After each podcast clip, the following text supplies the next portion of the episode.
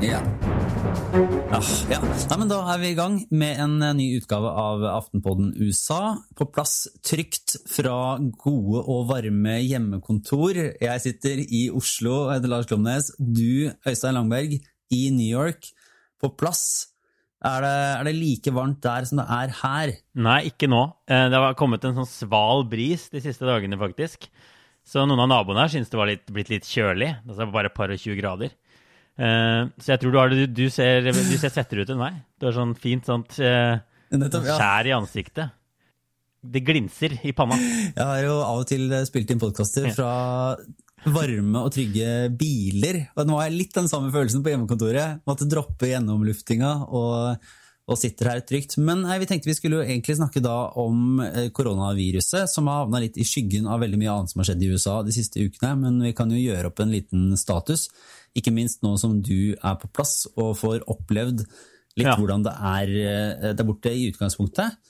Eh, For, for, nå- for nå, nå er du der. Er det, er, hvordan er håndteringen og liksom den følelsen i lufta i sammenligna med, med hvordan det var i Oslo før du dro? Altså, det er en veldig annerledes følelse, egentlig, enn det var i Oslo da jeg dro. Da jeg, da jeg dro fra Oslo, så var jo koronaviruset noe man ikke tenkte så mye på, som på en måte til en viss grad er bekjempa. Man kunne gå og klippe håret, ikke sant. Man kan gå på restaurant igjen, man kan gjøre alle disse tingene. I New York er jo alt I New York City, da, er alt dette stengt. Så koronaviruset preger byen veldig mye eh, fortsatt. Eh, du kan ikke gå på restaurant, du kan ja, alle neglesalonger, alle treningsstudioer er stengt. Og så går selvfølgelig eh, en stor endring fra Norge er at jeg må gå med maske ute i, ute i offentlige rom her. Og det er ja, ikke så veldig gøy, for å si det mildt. Men, er- men er det sånn, hvor er, er folk da inne i leilighetene sine fortsatt på 18. måneden, eller har det, har det skapt seg nye byrom? Hvordan er det? Jeg antar at, eh, Ja. at det stopper jo ikke helt opp likevel, eller? Er, Nei da. Hvordan, hvordan er det å gå rundt? Og det har skjedd bare siden jeg kom tilbake. Det er mer og mer biler på veiene, mer og mer folk ute i gatene. Parkene er ganske fulle, øh, og det er jo sånn at du kan få deg takeaway-mat. Altså, det er ikke sånn at liksom, alle bare sitter inne. Eh, men, men det er definitivt ikke sånn som, sånn som det skal være, da, eller sånn som det pleier, pleier ennå. Så det har tatt litt tid å liksom lære seg altså hvilke koder altså, Ta denne ansiktsmaska, da, for eksempel. Når skal man ha den på, og når skal man ikke? For eksempel på løpetur. Eh, I dag er det noen og 20 grader, men det er jo fort 30-35 grader her. Og da ha på seg sånn klam maske Jeg løper jo også med briller, og det dogger under brillene både når man går og når man løper. Og det er sånn Der er det jo vært en sånn debatt, ikke sant. Kan, må du ha den på hele tiden mens du løper rundt i 30 grader? Kan du ta den av inn i skogen? Eh, og der er det også delte meninger, men det er ingen som har kjefta på meg ennå. Men jeg har lært, etter hvert eh, turt å liksom dra den ned og ha den bare på halsen når jeg er inne i skogen. Ja, for jeg, ja, for jeg så han, eh, altså, altså New York Times-spaltisten, han Paul Krugman, som vel også er en nobelprisvinner i økonomi. Ja, absolutt. Han var med var ute på det her, altså av, alle ting eh, de, de går inn i, så var han også ute i den Twitter-debatten om maskebruk. Og jeg tror han snakka om at, at, eh, at det var kutyme at, at du ikke trengte å ha den på hele tida, men du måtte løfte den opp når du løp forbi noen. Ja. Og at du, at sånn sett måtte ha den med. Men der, det var, der er det tydeligvis noen gråsoner. da, som, som Ja, det er noen gråsoner. ikke sant? Det er jo en sånn seksfotsregel. Uh, og så er det vel egentlig seks fot når det er nære folk seks fot innenfor andre mennesker over tid, at du må ha på maske. Uh, men, men så det jeg praktiserer nå, da, som kanskje er det Krugman også praktiserer, er uh, at jeg, um, jeg drar den av når jeg er inne i skogen. eh, og når jeg løper forbi mennesker som ikke har på seg maske, så gidder jeg ikke å ta den på. Men når jeg løper forbi gamle folk med masker, så tar jeg den på for, for uh, Så hvis andre også bryter reglene, så Men maskebruken er relativt god ute på gata her, altså. Jeg må si det. Folk, folk, I New York City så bruker folk disse maskene fortsatt. Uh, og så tipper jeg det kommer til å komme til et punkt hvor når det først rakner, så rakner det skikkelig. For ja. Uh, men vi er, vi, er, vi er ikke der ennå. Men er det ikke en, det har nesten blitt en slags politisk statement, denne maskedebatten, fordi jo Donald Trump ikke vil bruke det sjøl, syns han ser rar ut, eh, mens da i type California så er, veld, så er det veldig vanlig å bli sett på som et sånn, et, eh, både en borgerplikt og en del av dugnaden, og kanskje mer også sånn i New York. Men er det Det er så rart å høre fra USA, for der virker det som det er en absolutt fasit at maske er helt sentralt i å bekjempe covid-19, og det, det, må man bare ta ansvar for og gå med hele tida og gjøre det. Mens i Norge så er jo ikke det et faktisk medisinsk råd for alle. Så jeg vet ikke om du har satt deg inn i dette her, og det er mer en spørsmål enn et svar fra min side, men det er veldig rart å høre at det blir opptatt, tatt opp som det viktigste grepet uh, i litt amerikanske prateklassen, mens vi i Norge knapt nok tenker på eller bruker det i det hele tatt. Annet enn hvis ja. man faktisk i Norge da sies å være syk, så, så er det omfalt å, å ikke gå ut, men da, da, hvis du mistenker at du har symptomer, så skal du vel kanskje bruke maske. Men for vanlige folk så skal du ikke nødvendigvis ha medisinsk maske på. Ja, nei, det er helt sant. Det er, det er en helt annen oppfatning. Men USA starta også opp uten maske, og så endret de eh, på en måte rådene sine etter hvert.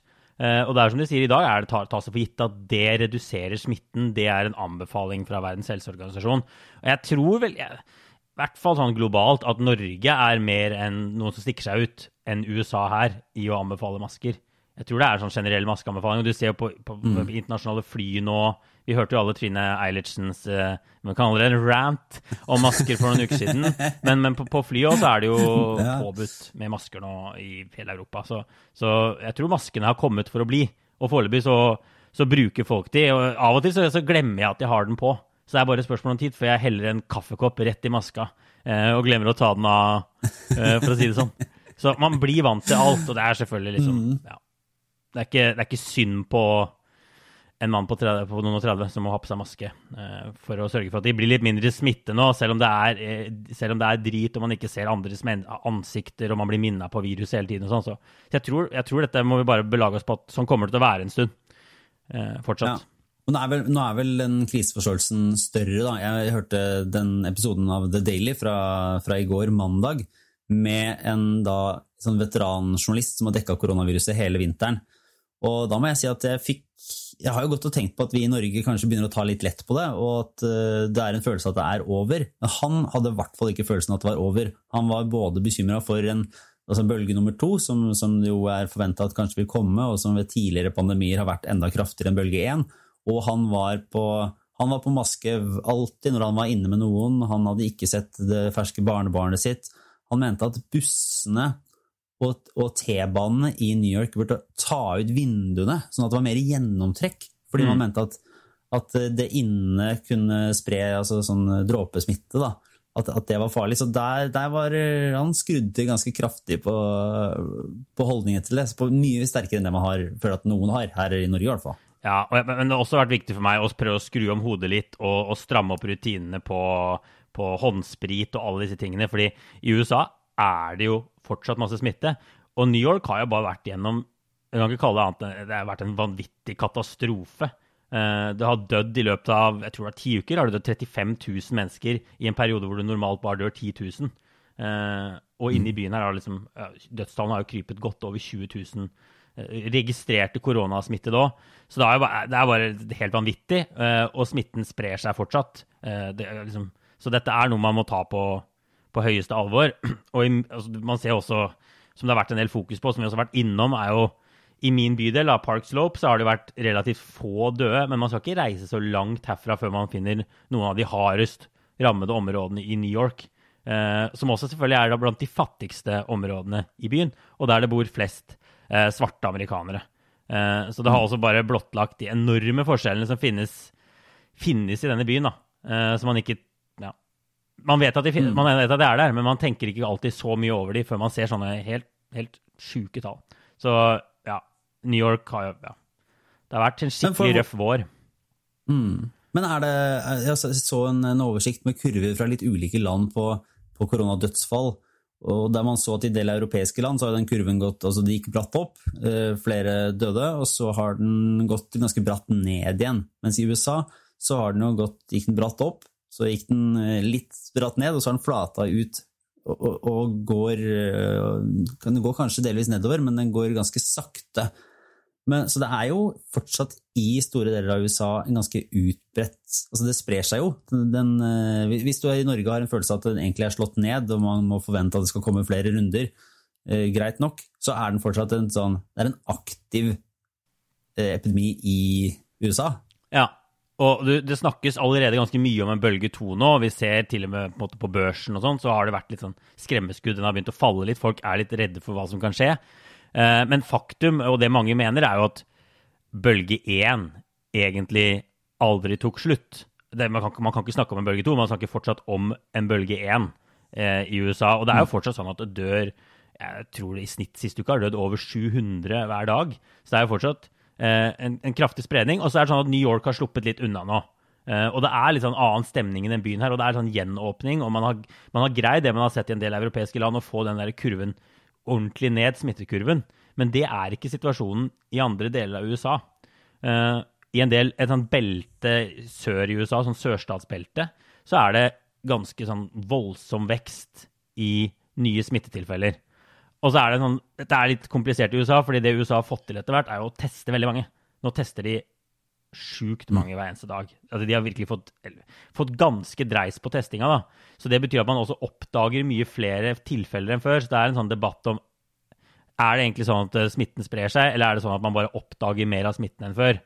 Uh, men selv når man justerer for mer tester da, og ser på hvor mange av testene som kommer tilbake positive, så er det vekst i en del stater. Særlig Arizona har en nærmest sånn eksplosiv vekst nå. Um, så de er på en måte definitivt ikke ferdig med viruset, og de har definitivt ikke klart å, å stanse det, sånn som man har i Norge. Men, men, det virker litt som man likevel har nærmest gitt opp og bare tenker at den situasjonen vi er i nå, er til å leve med. da. Men 700 døde om dagen blir mye over et halvt år, mm. ikke sant? Men da er det spørsmålet om det blir glemt. da, altså i hvert fall, Nå skal vi ikke være for rett inn i og kynisk i politikken, men, men om det, at det blir glemt som en sånn vedvarende krise som ligger der i bunnen. da, Det er jo en, en altså Det blir mer sånn som den eh, opioidepidemien. da, At det, det mm. dør folk hver dag av, av ja. overdoser. Eh, og så dør det folk hver dag av, eh, av covid-19. Og så blir det bare en del av bakgrunnsstøyen. Ja. Eller, om, eller om det vokser seg opp mot et mer sånn crescendo på, på, et problem for, for, Trump inn i valgkampen, at det må gjøres nye grep. Men det er jo ikke snakk om å det har vært tydelig at man ikke kommer til å stenge ned samfunnet på den måten man har gjort på nytt. Så Nei. da må man eventuelt finne noe nytt da, eh, og en ny måte å gjøre det på. Men eh, ja, Trump kritiseres i hvert fall for å ikke ha noen strategi nå som er helt åpenbar på hvordan det skal følges opp, og hva som skal skje videre i håndteringen av det her. Nei, det er rett og slett ganske uklart hva, hva anbefalingene fra Det hvite hus, hva, hva fra det hvite hus er om dagen. Og ja, det har kommet litt mer i bakgrunnen, koronaviruset, men jeg tror det kommer ikke til å forsvinne helt fra bakgrunnen. Og så lenge det er såpass mye smitte og fare for nye utbrudd, så, så er det vanskelig å se for seg at økonomien kommer ordentlig tilbake igjen, eh, og at folk føler seg helt trygge og går ut med senkede skuldre. Og, så, så. og i New York så er jo liksom viruset fortsatt til stede overalt. Jeg, jeg, jeg er vanskelig for å se for meg at ikke det kommer til å bli en sentral sak inn i valgkampen. Uh, og de kommer jo til å fortsette å passere sånne milepæler. 150 000 døde. Uh, kanskje ja, 200 000 døde da, på en skikkelig dårlig dag. Det er klart at ja, det, det, det, kommer liksom, det er, det er, en stor nyhetssak da, som ikke forsvinner, som ikke forsvinner fra radaren, tror jeg. Så er det spørsmålet hva det kommer til hva som skjer i økonomien. da. For det var jo For to uker siden vel, så kom det plutselig litt sånn overraskende positive tall på, jobb, altså på arbeidsledighetsfronten. At, mm. gikk, at, at antall arbeidsledige hadde gått betydelig ned, og så var det dårligere enn sist uke. Ja, eh, ja eller det har vært litt sånn Ja, det, det, det gikk en, en, det som skjedde vel i mai, var at ledigheten gikk ned når en god del økonomer hadde trodd den skulle gå opp, det tallet. Mm. Eh, så, så, det var bedre enn man hadde frykta. Uh, men ledigheten er fortsatt veldig, veldig høy, og så er spørsmålet hva som skjer videre. Fordi ja, eh, det er på en måte ikke til å leve med den ledigheten selv om den gikk ned. Uh, det nivået den er på nå. Nei, for det er sånn, Hvis man ser sånn utviklinga nå bare uten noen dramatiske forbedringer, så ligger det en økonomisk krise og venter som er enda større enn det som det, det ligger an til nå. Er det ikke sånn? Nei, nei altså man, Det er en del som mener at bunnen ble nådd i april. Eh, at det var da den økonomiske aktiviteten var minst, eh, og mm. ledigheten kanskje var høyest. Men spørsmålet er hvor fort man kommer seg tilbake. Eh, og USA har jo også en sånn vanvittig stor hjelpepakke. De har virkelig dratt til når de skulle hjelpe økonomien. Tatt opp masse, altså, masse gjeld og bare pøst penger inn. Og en del av de pengene begynner å gå ut utover sommeren òg. Så da får folk for eksempel, som er arbeidsledige, betydelig dårligere råd. da. Etter juli, f.eks., mm. hvis de ikke blir forlenga. Så man kan se for seg at, uh, at hvert fall den økonomiske smerten for en del blir høyere utover høsten, selv om ledigheten tikker nedover. Uh, og hvis f.eks. ledigheten fortsatt er over 10% da, når det går inn i valgkampen, så er jo det bare en ekstremt høy arbeidsledighet for en president å forsøke å vinne med, selv om den har falt fra, fra 16-17. Så, så, det er liksom alt er relativt der. Ja, men så ser om det kanskje ikke da er en si, forskjell på en økonomisk krise for stat og banker og alt mulig rart, så vil det for den enkelte så ser du, eller så, så det, det, er jo ulike rapporter om det her, så ser det ikke nødvendigvis så lyst ut hvis ikke får, inn, får i gang og mer penger inn mot slutten av sommeren. Nei, ikke sant. Og det er, de som, det er dette som er velgerne, f.eks. Så, så, mm. det, men det kommer til å bli en sånn der kamp om, om narrativet til høsten. Fordi man så jo f.eks. nå denne ledighetstallene for mai, som jo man, man, nådde en vanvittig dyp bunn i april, og så forbedrer ting seg litt i mai. Og når ting forbedrer seg litt, så har man plutselig den raskeste jobbveksten på veldig veldig lenge. Og til høsten, da, i tredje kvartal, så kan man fort se den høyeste økonomiske veksten USA noensinne har hatt siden krigen. Etter at man hadde den største fallet noensinne i andre kvartal.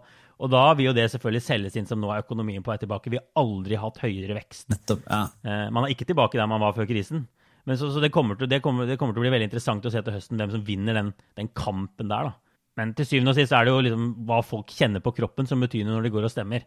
Og da hjelper det på en måte ikke at BNP har vokst mye etter å ha falt enda mer. på en måte. Så vi får se. Men Donald Trump er i hvert fall i gang igjen nå med sine store massemønstringer. Eh, nå skal han i gang i Tulsa i Oklahoma og hadde planlagt en eh, stor tale. Og der er det sånn, da trenger man ikke å ha munnbind, og da legger man det store treffet til innendørs, og de kjører på ja. Som alltid så er det litt sånn uklart, for nå har de sagt liksom, de skal dele ut i hvert fall sånn håndsprit, og man skal få masker ved, ved inngangsdøra nå, har det blitt sagt, i hvert fall av noen av Trumps rådgivere. Men om det er et krav om å ha dem på, og, og hva som skjer når de skal rope 'Make America Great Again' med maske Det er vel mulig å se for at det blir mange uten maske inne i det rommet. Eh, og relativt mm. høy temperatur. Eh, men, men, ja, det er helt, og det er jo egentlig ganske oppsiktsvekkende når vi snakka om liksom, hvordan hva vil Det hvite hus med denne pandemien? Hva mener de at folk flest skal gjøre? Og det som jo skjer, er at Trump er jo i ferd med å Det har jo ikke vært noen sportsarrangementer i USA på lenge, og alle ligaene skal jo gå uten, uten, uh, uten tilskuere. Men Trump kjører på her med, med, det som må være en av de største massemønstringene i korona, hele koronapandemien. Ledet an av presidenten selv. ikke sant? Skal samle alle disse menneskene inn i dette rommet. Som jo er ganske oppsiktsvekkende. og ja, Det sender jo et tydelig signal om at nå er det bare egentlig å kaste maska og bare kjøre på, da. Det må jo være vanskelig å opprettholde altså, den disiplinen hvis man ser nå, da, så kan de som er på, på høyresida, man vil det, si at ja, men de demonstrantene som har vært ute nå i ukevis mm. og, og, går rundt og bryr seg ikke om eh, reglene. Og så kan man si ja, Trump-tilhengerne som eh, først eh, demonstrerte for lenge siden og nå er i gang og er på, på valgmøter for Donald Trump og ikke bryr seg. Hvorfor skal vi bry oss? Altså, det, er, det er jo en dynamikk der som fort kan bety at hensynet til alle andre eh, svinner litt hen, da. Ja, absolutt. Og det, det, er jo ja, det er ikke bare, det er ikke bare Trump som har bidratt til at, til at den derre å holde avstand eh, har brutt sammen. Altså, disse demonstrasjonene de har også fått kritikk, selv om mange selvfølgelig mener at de demonstrerer for noe viktig. Eh, og det er en stor bevegelse på gang, så, er, så har det vært bare her om dagen nede i Brooklyn sentrum, da, så var det bare en massemønstring med helt utrolig mye mennesker på et lite sted. Men, men, men Trump skal selvfølgelig putte folk inn i en hall. Uh, og de skal stå og skrike og rope, antageligvis, og juble. Og, så det er, noen mener at det er litt annerledes, men, men selvfølgelig er det ja, begge, begge, deler får mm. kritikk, da, av de som er bekymra for en ny bølge i USA og for mer smitte. Og det kommer helt sikkert til å bli, hvis det er noen tegn til at noen har blitt smitta inn, inn, i det rommet med Trump, så kommer det til å bli en vanvittig stor politisk sak. Så de tar litt risiko her. Det har vel aldri vært spesielt redd for å ta risiko, Donald Trump. Nei da. Det, han, er, han er risiko, risikovillig. Nei, så det blir, eh, ja, det blir veldig interessant å se. Men, eh, men det skulle jo egentlig være på denne 19. juni-dagen. Eh, det var jo den andre kontroversen Eh, med dette arrangementet. Ikke bare at det var eh, å gjenoppstarte store folkemengder midt i koronapandemien, men, men, at man skulle ha det på, på det som feires som en, en, dag i USA hvor man markerer slutten på slaveriet, egentlig. En sånn frigjøringsdag. for svarte amerikanere. Eh, 19.6. Og, det, og så det ble lagt på 19.6 som var eh, i Tulsa i Oklahoma. Altså Oklahoma er en stat som Donald Trump i utgangspunktet ikke skal ha noe problem med å vinne. Nei. Så det er ikke en såkalt vippestat eller noe som, der det er knytta veldig stor spenning til, eh, til Eller der han har kjempestort behov for å, for å få nye velgere. Eh, Og i Tulsa, som er en by som da på var det på 20-tallet hadde en, en fryktelig altså massakre, kan man nesten kalle det, på, på eh, svarte borgere fra den hvite majoriteten. Da. Ja. Så, så i hvert fall de som, er, de, som er, de som er i markedet for å tolke Donald Trump eh, som ond vilje, så var ikke det populært. Og Donald Trump han, Først så prøvde han seg vel på en sånn nei, men vi skal, vi skal feire det de Ja. kaller da Juneteenth Ja. ved denne massemønstringa, og så var det visst ingen som kjøpte helt den, så da, da utsatte de en dag isteden. Så nå er det den 20. juni at uh, Trump for alvor er tilbake på valgkampgaleien, da. Uh, I stedet for 19. Eh, ja, så Er det, blir er det noen klar forventning om hva han skal snakke om? Nei, Altså, det en sånn- jeg tror det sånn blir the greatest hits. Ja. Det er den, den samme, samme gamle leksa, tror jeg, for å få skape ja, liv i, i grunnfjellet igjen. Eh, han har jo ikke fått holdt på med dette på, på veldig lenge nå. Og det regnes jo som en sånn viktig arena for Trump. Eh, både med å registrere velgere, men også ja, få ut budskap og, og skape entusiasme. Eh, og det er jo mye som tyder på at Trump trenger å skape litt entusiasme nå. For det, han ligger ikke veldig godt an. Og nå er det jo ja, drøye fire, fire og en halv måned til valget. Så er han virkelig på defensiven. Det sies vel at han, han ligger, ligger så dårlig an at noen av hans eh, egne i kampanjen kjøpte seg reklameplass i Washington DC for å vise fram eh, noen sjeldne gode målinger for å gjøre dem fornøyd. Ja, jeg vet det. De har sendt eh, republikansk reklame i en Det er jo ja, Oklahoma er en stat Trump kommer til å vinne. Washington DC er den staten han med minst sannsynlighet vil, vil klare å, å få flertall i. Men ja, de, det er jo dette med å vise frem ting for Trump på Fox News i DC, som både motstanderne og nå tydeligvis hans allierte da, har starta med for å, for, å passe, for å komme inn i hodet til Trump. Men det er klart det er dyrt å bruke så mye kampanjemidler på, på å gjøre presidenten glad, framfor å bruke de i en stat han må vinne, da. I Midtvesten, f.eks. Ja. Men ja, nei, altså han eh, Det det er sånn, bare, bare for å ta det kort, da. Altså, han ligger på denne Real Clear Politics-gjennomsnittet av målinger. Så ligger han opp, Trump 8,1 prosentpoeng bak Biden. Og det er ganske mye sånn nasjonalt. Eh, Det er veldig mye. Og det er også vesentlig mer enn det Hillary Clinton leda med, da, på samme tid i 2016.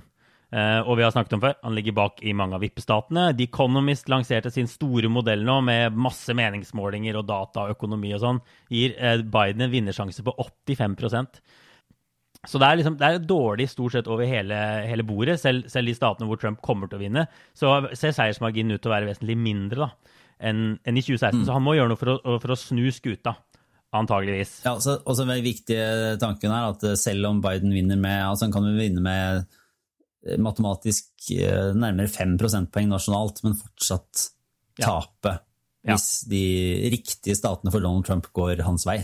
Ja da, elefantrommet er jo at, så akkurat den, der, eh, den nasjonale målingen er jo litt vanskelige. Ja, selv om det og- åpenbart er, er noe du heller vil lede enn å ligge bak. da. Ja, ja, åpenbart. Og og modeller har jo vist feil før. Det husker jo alle fra 2016. Og meningsmålinger kan ta feil før. Det husker også alle fra 2016.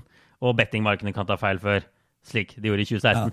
Men, men nå er det ledelsen såpass stor, som han ene, som, eh, som Nate Cohen skrev i New York Times, at nå kan målingene ta like feil som i 2016. Og Biden vil fortsatt vinne, for han har så mye å gå på på disse målingene.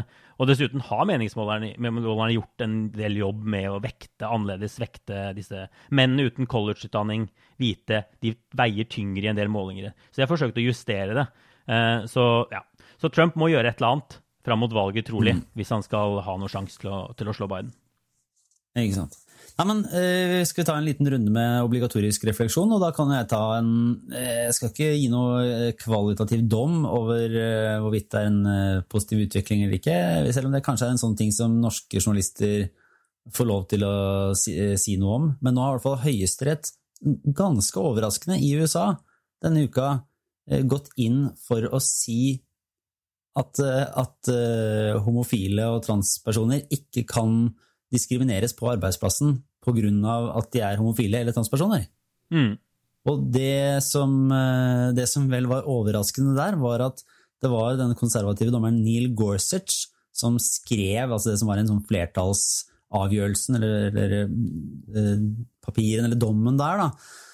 Uh, og det var jo overraskende for mange konservative, fordi Gorsuch var, kom inn som Donald Trumps første høyesterettsdommervalg. Ja. Eh, og var regna som en, eh, en viktig brikke i liksom, kampen for Donald Trump. Da. I valgkampen i 2016 så var det jo en del republikanere som antas å ha holdt seg for nesa og stemt på Donald Trump for å få inn en ordentlig konservativ dommere i Høyesterett. Ja. Og den første som kom inn da, var Neil Gorsuch. Men han leda da an i en, det som ses som en sånn liberal retning i den dommen Ja, nei, det, her. er, det er jo superinteressant, egentlig, eh, og, og ganske overraskende, og viser jo at det er mye partipolitikk i USA nå. Det er ekstremt mye partipolitikk i utnevnelser av dommere til Høyesterett. Gorsuch var jo han tok, Det var jo egentlig Obama som, som ville fylle den plassen, eh, men han ble blokkert av Mitch McConnell det siste året i Senatet. Han fikk ikke fylt denne høyesterettsplassen, så vinner Trump. Så fyller han den med en konservativ dommer istedenfor en liberal. Eh, og så husker jo alle Kavanaugh-høringene, som jo er den andre plassen Trump har fylt i Høyesterett. Det er jo en av de tingene som kommer til å stå igjen etter Trump uansett, er jo to konservative dommere. Og du sier i 2016 var det viktig. Det er viktig for masse velgere nå òg, og sikkert derfor en del kommer til å stemme på Trump, selv om de synes han sier dumme ting på Twitter. eh, At de vil bare sørge for at, at Høyesterett er konservativ. Men ja, det viser at alt er ikke bare partipolitikk. Det er fortsatt folk som, som gjør seg opp egne meninger og overrasker, slik Gorsuch har gjort nå. Som er et sunnhetstegn, må vi kunne si. Ja, ja, det, det tror jeg vi kan riste oss til å si at det var et sunnhetstegn. Og så er, jo, så er det jo også sånn at det er veldig mange av de dommene som har kommet siden 2016, som har, eh, som har fulgt måte, partilinjer. Da. Altså at eh, de som er utnevnt av republikanske presidenter, har uh, gått inn for det republikanske politikere vil, om du skal si det sånn.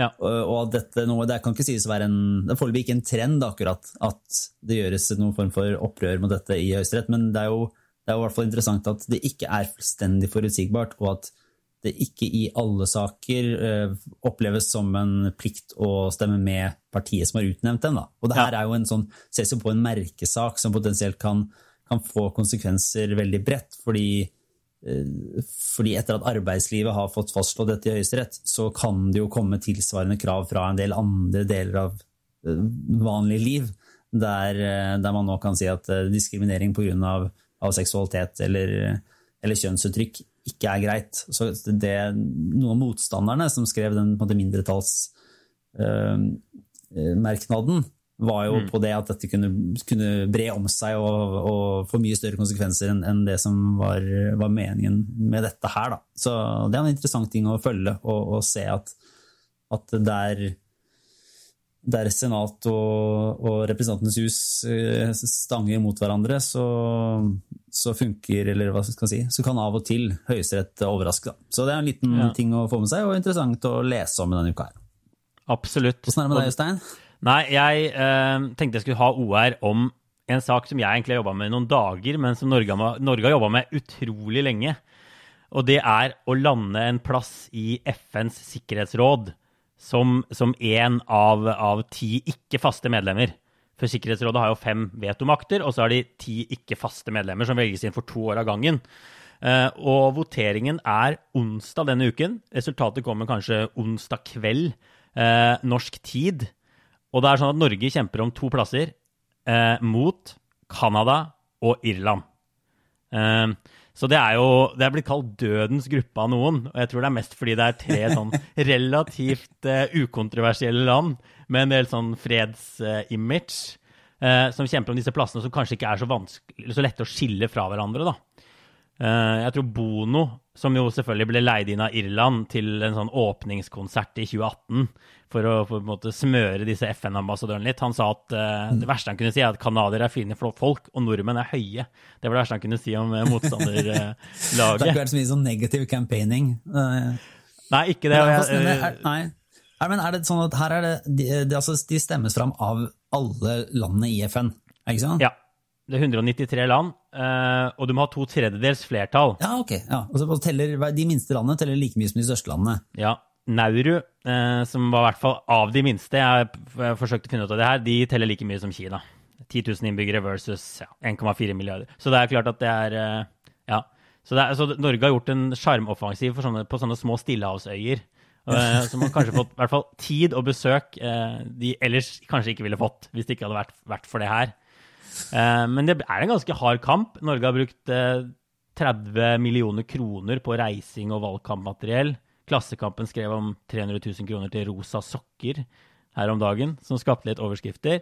Men ja, Irland har rulla ut Bono.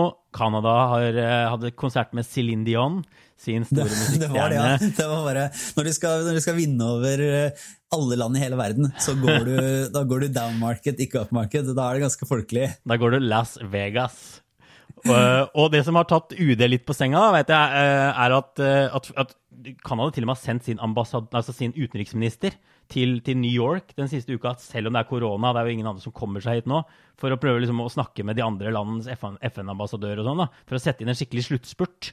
Så Trudeau gjør alt for å vinne det her. Og Canadas utenriksminister heter for øvrig Francois Philippe Champagne. Uh, oi, oi. Som er et nydelig, nydelig land. Men, men nei, så spørsmålet er jo om Norge kan vinne, da. Og det blir veldig spennende å se. Uh, og det er en del folk i UD som har litt trua på at dette kan gå. At Norge er en liten favoritt. Utenriksministeren sier at Norge er, hun er forsiktig optimist. I hvert fall til oss, når vi snakker med henne. Mm. Men er, er, det nå, nå skal ikke du nødvendigvis være dommer over det, men er det helt avgjørende for Norges fremtid, eller er det en, en, sånn, en symbolseier? Eller antageligvis et eller annet sted midt imellom? Her er jo de strides de lærde da, om det her. Noen mener at det er meningsløst, at det ikke vil bety noe og, og, og fall å bruke så mye penger på det her da, og tid. Uh, Frp har vel i hvert fall etter de gikk ut av regjering uh, vært svært kritiske til denne kampanjen. Uh, så det er jo én av det. Og så er det noen som mener at Norge havner i vanskelige situasjoner som vi ikke burde, hadde trengt å havne i også Ine Eriksen Søreide sier, eh, når, vi, når, jeg snakker med henne, at, at, det er kanskje den vanskeligste tiden å sitte i Sikkerhetsrådet på lenge. Kina, EU, USA, eh, som står på hver sin side i mange, mange, spørsmål, hvor Norge må gå tydelig offentlig ut og velge et eller annet i en avstemning. Mm. Men, men, ja, altså de da, i, i, i, UD mener jo at dette er noe Norge det handler også om å ta ansvar. Eh, Norge er tjent med et internasjonalt samarbeid som fungerer. Et lite land med en åpen økonomi. Uh, så det klart, det er jo gode argumenter. Og så er det nok veldig gøy Det er ingen tvil om at det er veldig gøy for diplomaten i UD å få spille liksom, i Champions League ja, i et par år. For det er jo det dette er.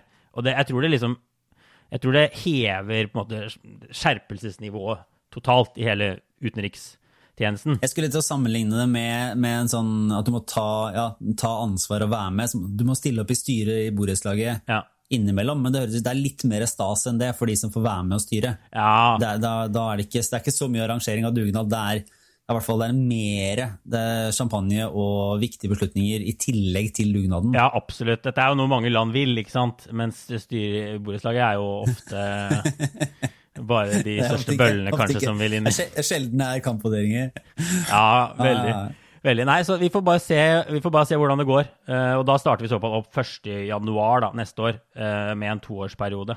Så det blir jo spennende for meg òg, hvis, hvis, Norge kommer inn der. Så er det jo, så ja, da blir det å henge rundt. Ja, så er vi plutselig på ballen på veldig mange store internasjonale spørsmål. da, uh, Og kan være med å, å, bestemme en del ting. Så det er veldig Vi får se. Ja.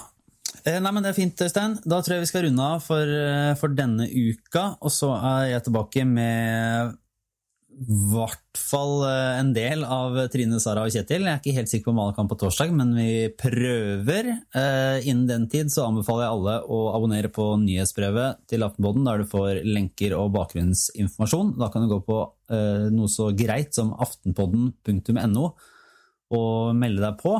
Og så får du en, eh, en nyhetsoppdatering, noen lesetips og en eh, ganske så vrien politisk quiz hver torsdag rett inn i innboksen. Så der prøver vi å nå en viss sånn Skal nå et visst antall nå før sommeren. Hvis ikke så jeg eh, Så må jeg, må jeg, må jeg ut med, med, et eller annet. Så vi får satse på at det går. Så jeg oppfordrer alle til å være med på den der. Eh, nei, men Det var fint, Øystein. Takk for nå. Du får fortsatt lykke til i varmen. Så skal jeg se om jeg får åpna et vindu inn på hjemmekontoret her og komme meg ut i lufta, jeg òg. Yes, bra. Jeg slår på aircondition nå. Kjempefint. Ha det bra. Ha det.